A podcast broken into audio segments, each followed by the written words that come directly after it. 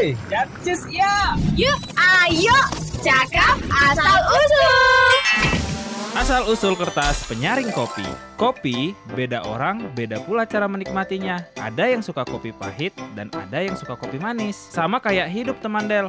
Ada manis dan ada pahitnya juga. Yang belum ngopi, ngopi dulu kuy. Sambil dengerin gimana sih cerita penemuan kertas penyaring kopi. Hmm, enak kali kopi ini, Dek. Iya bang, itu kopi dari Indonesia loh. Kalau nggak salah dari Lintong. Hmm, pantas aja. Malah sekali rasanya. Inilah nih, nih tengoklah. Nggak terasa ini, udah tinggal dikit lagi nih kopinya. Ih, kau minum kopi atau minum air putih? Kencang kali bang. Nah, kayak gini lah, Dek. Kalau aku suka sama kopi, cinta kali memang.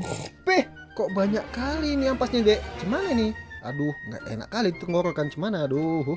Namanya kopi, adalah bubuknya sikit-sikit. Aduh, nggak selera pula aku sama bubuk-bubuknya itu, Dek. Hmm, ya udah aku saring lah besok-besok. Melita Benz, seorang ibu rumah tangga berusia 35 tahun, asal Dresden, Jerman, merupakan orang yang pertama kali menciptakan penyaring kopi.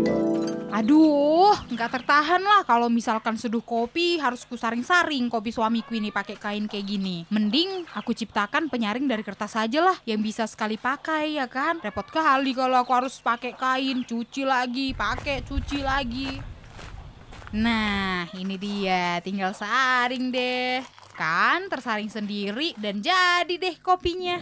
Pada tahun 1908, Melita Benz menciptakan sebuah penyaring yang kemudian dipatenkan dengan nama filter top device. Lalu dikenal dengan paper filter. Patennya disahkan pada 8 Juli di Berlin. Berkat penemuannya itu, dia juga mendirikan perusahaannya dengan nama yang sama di tahun yang sama. Dengerin ceritanya di Capcus. Capcus. Capcus. Capcus. Cakap asal usul. Cuma di 92,4 Del FM. Connecting you to Toba.